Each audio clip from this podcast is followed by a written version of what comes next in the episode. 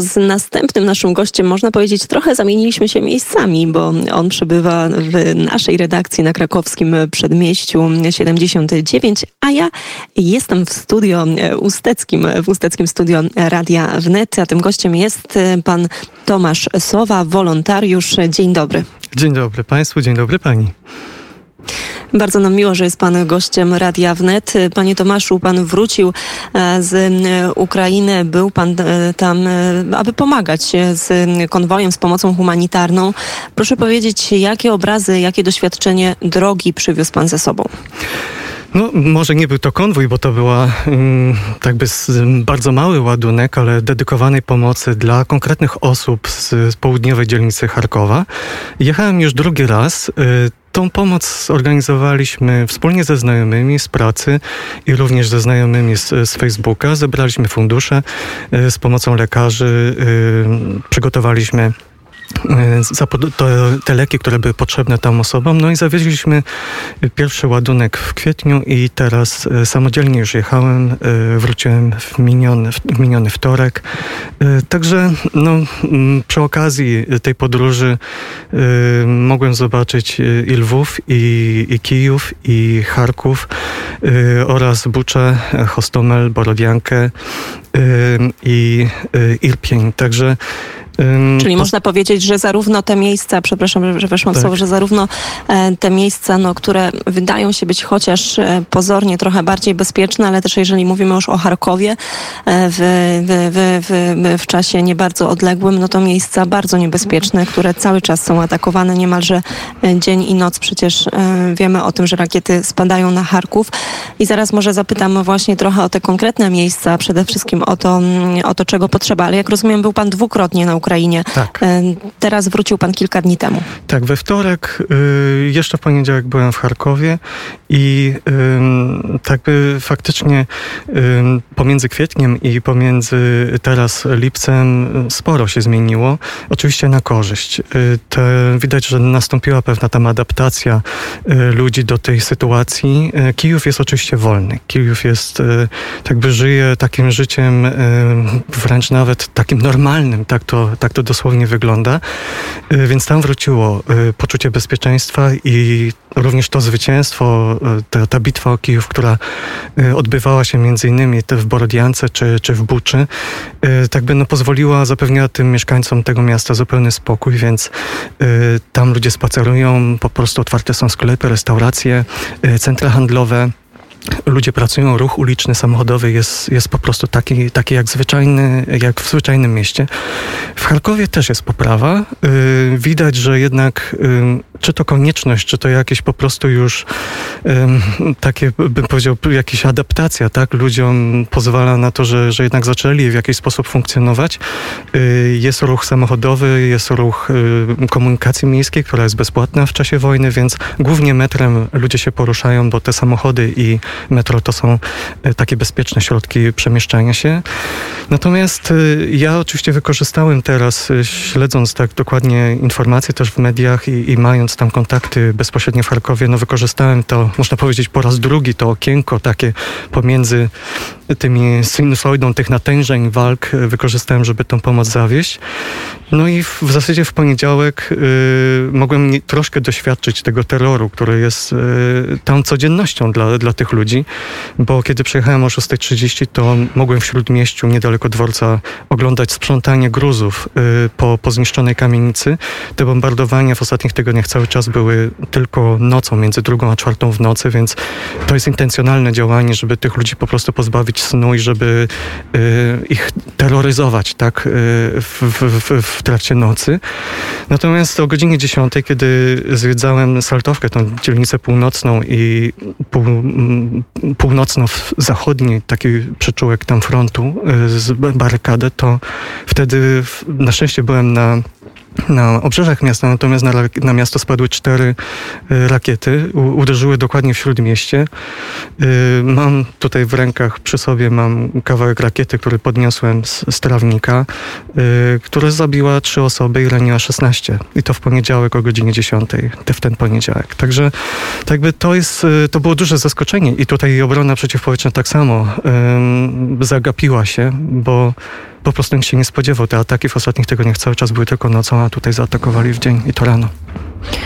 I chyba też e, można powiedzieć, że takim kolejnym problemem e, czasem to, że może po prostu ta obrona przeciwlotnicza nie zadziałać, ale być może też to, o czym Pan wspomniał, czyli ta próba powrotu do normalnego życia, mimo e, takich czynników jak właśnie życie w permanentnym stresie czy, czy, czy deprywacja snu, ale mimo tego ludzie próbują żyć normalnie. No i przecież znamy już takie wypowiedzi mieszkańców, czy to Kijowa, przecież na które też spadały rakiety, czy właśnie Winnicy, że owszem, słyszeliśmy ten alert przeciwlotniczy, ale uznaliśmy, że być może sąsiedzi z kawiarni naprzeciwko nie, nie chowali się, nie uciekali, bo to już jest takie permanentne zmęczenie życiem w tym strachu, no to też, też zostaniemy, bo dużo takich, takich komentarzy tych ludzi, którzy po prostu, no właśnie, które, którzy nie, nie udali się do schronów, też obiegło internet. To jest niestety tak, że z każdym tygodniem, z każdym kolejnym dniem przedłużającego się konfliktu, no właśnie, ludzie no być może nie przechodzą do porządku dziennego z tym, ale próbują chociaż na miastkę takiej normalności zdobyć i niestety, kiedy mówimy po prostu o zbrodniach wojennych i o zrzucaniu bomb na obiekty cywilne, to też często właśnie kończy się mm, takimi tragediami. Hmm. Tak, no oczywiście y, ci ludzie poniekąd muszą, tak, żeby pracować, żeby normalnie funkcjonować, no nie są w stanie co godzinę czy co dwie chować się do schronu na godzinę bądź dwie, więc te alarmy są y, ignorowane. Y, w przypadku winnicy Czy, czy też tych wcześniejszych ataków na, na centra handlowe, to były miasta, które praktycznie nie doświadczyły żadnych ataków do tej pory, więc ludzie naprawdę mogli te alarmy zignorować, bo po prostu nic od wielu, wielu tygodni nic się nie stało. Y, tak samo w Kijowie y, ten, ten moment takiego przestoju y, po tych, po tych atakach rakietowych, to, to było wręcz dla ludzi stresująca była ta cisza. Oni cały czas czekali, no to kiedy? Kiedy uderzą? Kiedy wreszcie spadnie? Kolejny dzień, kolejna godzina i tak by długo trwało to, zanim wszyscy nabrali takiego poczucia bezpieczeństwa, że mogą autentycznie wyjść do sklepu, spacerować po parku z dziećmi, mogą iść zwiedzać, nie wiem, nawet nawet y, y, zwiedzać kościoły, żeby po prostu mieć to poczucie, że już się nic nie wydarzy, że te wojska zostały, najeźdźców zostały odepchnięte na tyle, że już miasto jest poza zasięgiem. W Charkowie sytuacja jest troszkę inna. Tam bez przerwy są powtarzane przypomnienia żeby nie chodzić niepotrzebnie po mieście. I miasto w zasadzie ono, wspomniałem o tym ruchu samochodowym, czy ruchu, który odbywa się pod ziemią, w metrze, tak jakby w, w komunikacji publicznej. Natomiast po mieście, po ulicach praktycznie nie, nie ma żywej duszy. Więc to jest y, po prostu odradzane chodzenie, dlatego że spodziewać się można wszystkiego w każdej chwili.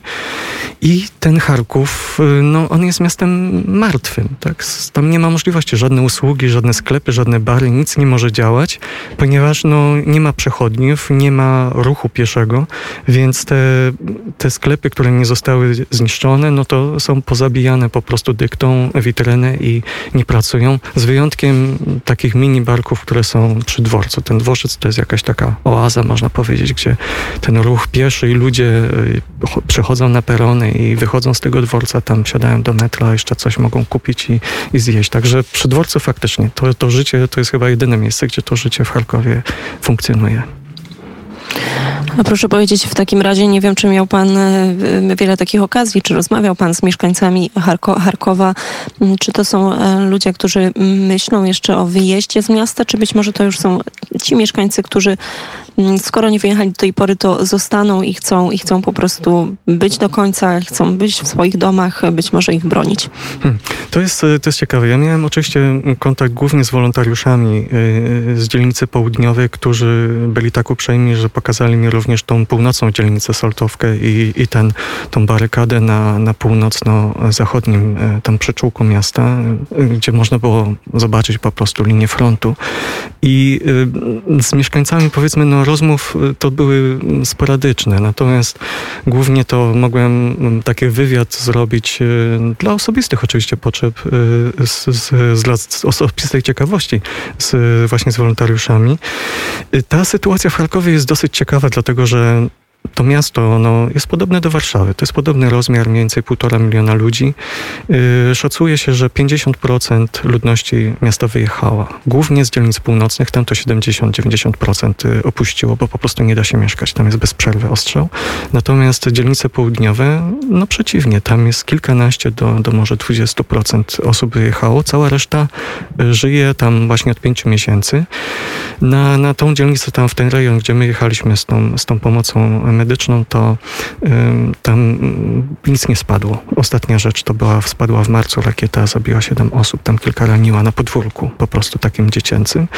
Y, natomiast od tej pory nie wydarzyło się nic, więc oni żyją w tych blokach i y, tak jakby no, czasem mają wodę, tak to powiem, y, mają prąd, te służby miejskie gdzieś tam naprawiają to, bardzo tak by ta dyscyplina wręcz nawet bym powiedział wzrosła, tak? Oni sobie żartują z tego, że kiedyś jak wyłączyli światło, to zgłaszanie awarii, czekanie na naprawę trwało czasem bardzo długo, a teraz postawiło to do pionu. Myślę y, wszystkich Ukraińców i oni o ten swój kraj bardzo walczą i, i zaczęli go bardzo cenić.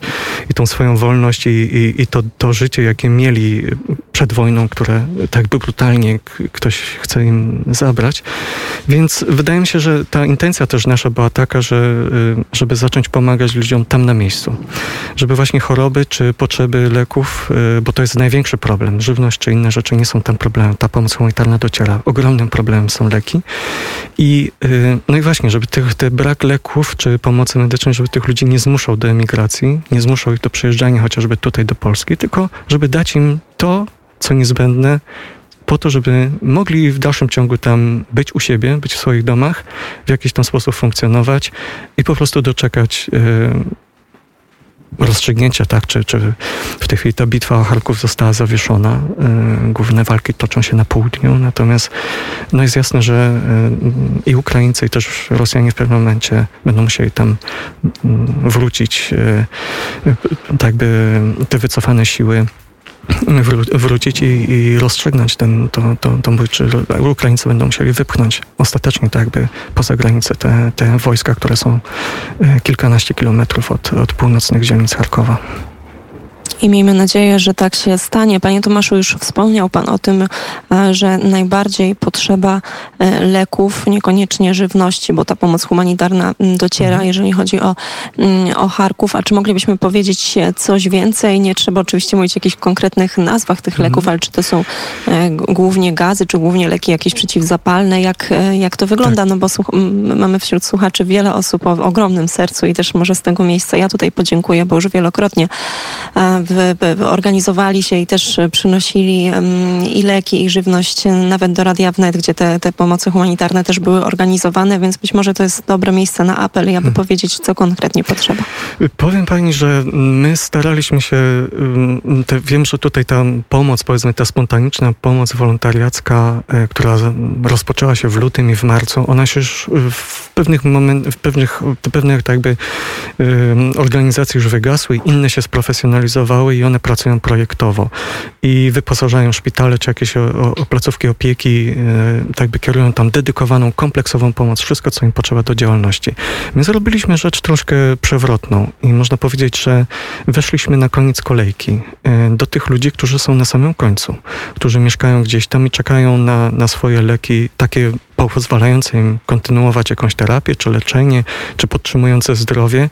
Y, również dostarczaliśmy leki osobom chorym na raka na podstawie dokumentacji medycznej, którą po prostu nam przesyłali y, mailem i wydaje mi się, że mm, ta pomoc, która jest kierowana z Polski, zarówno żywnościowa, jak i pomoc y, medyczna, ona trafia gdzieś tam do tych centrów dystrybucji, trafia do placówek dedykowanych. Natomiast szary człowiek, żyjący gdzieś tam w jakiejś dzielnicy, jest ostatni. I my postanowiliśmy zrobić rzecz odwrotną.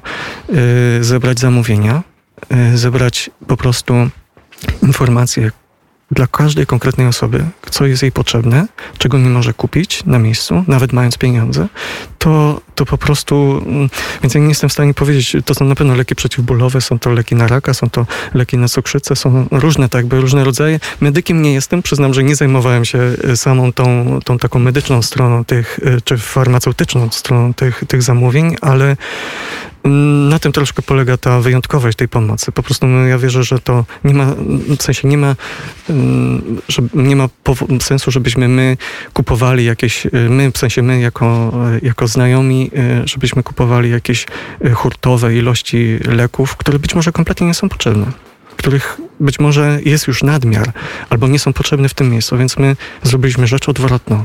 E, spytaliśmy konkretnych ludzi tam z tej dzielnicy, e, żeby e, poprzez tych wolontariuszy, żeby po prostu ustalić, co, co jest potrzebne i oni zrobili ten wywiad i te kilkadziesiąt osób dostało od nas tą pomoc. Także wydaje mi się, że I to, to bardzo już, heroiczna tak. postawa, tak, wolontariuszy z Polski, bardzo heroiczna postawa Pana, ta pomoc do, dotarła. Tak, do rąk ma ona ogromne. Tak, tak. tak. Więc, więc ma, ma ona ogromne znaczenie. Panie Tomaszu, to jeszcze tak zapytam, czy planuje Pan jeszcze być może mm, wy, wybrać się na Ukrainę? Planuje Pan jeszcze jakąś taką wyprawę z pomocą humanitarną? Na ten moment nie potrafię powiedzieć. To ja przyznam, że wykorzystałem takie troszkę okienko historii y, związanej z tą, z tą minioną już prawie pandemią, że miałem taki przestój w pracy, więc mogłem miesiąc czasu pracować tutaj jako wolontariusz na dworcu centralnym, później w kwietniu, teraz w lipcu y, przygotować tą ekspedycję leków. Y, nie, jest to wykluczone. Jeżeli faktycznie dostaniemy sygnał, że, że jest potrzeba, że to jeszcze dalej będzie trwało, to te leki, które teraz dostarczyliśmy, one starczą na spokojnie na 2-3 miesiące, więc później być może tak. Więc wśród znajomych ponownie zrobię post tak by publiczny, który tam ludzie sobie szerują, więc jakieś środki zbierzemy, czy też dary rzeczowe, ale to już wszystko będzie szło według konkretnej listy, według konkretnych potrzeb, bo jakby ja wierzę, że mm, po prostu ta, tutaj ta pomoc, y, którą my dajemy jako, jako państwo, jako, jako też społeczeństwo, ona jest y, super, ale y, nie zawsze te centra dystrybucji czy, czy priorytety też tych organizacji humanitarnych, one nie zawsze są takie, żeby gdzieś na, do dzielnicy południowej, na jakąś ulicę, do konkretnej szkoły, tam gdzie są dzieci tych, tych rodziców, czy ci rodzice, żeby konkretnie tam jakąś tam przesyłkę zawieść, więc tak by to ja po prostu postawiłem tutaj na, na, inną metodę pomagania i wierzę, że troszkę po prostu inną i też może bardziej ryzykowną, ale też bardziej moim zdaniem skuteczną. W takim razie mm, będziemy trzymać kciuki, jeżeli kolejna taka e, wyprawa będzie organizowana i też oczywiście proszę liczyć się na słuchaczy Radia Wnet. O, proszę dziękuję. się nas w razie czego zgłosić. Bardzo serdecznie dziękujemy za rozmowę. Wolontariusz pan Tomasz Sowa był gościem Radia Wnet. Jeszcze raz dziękuję. Dziękuję serdecznie. Do widzenia.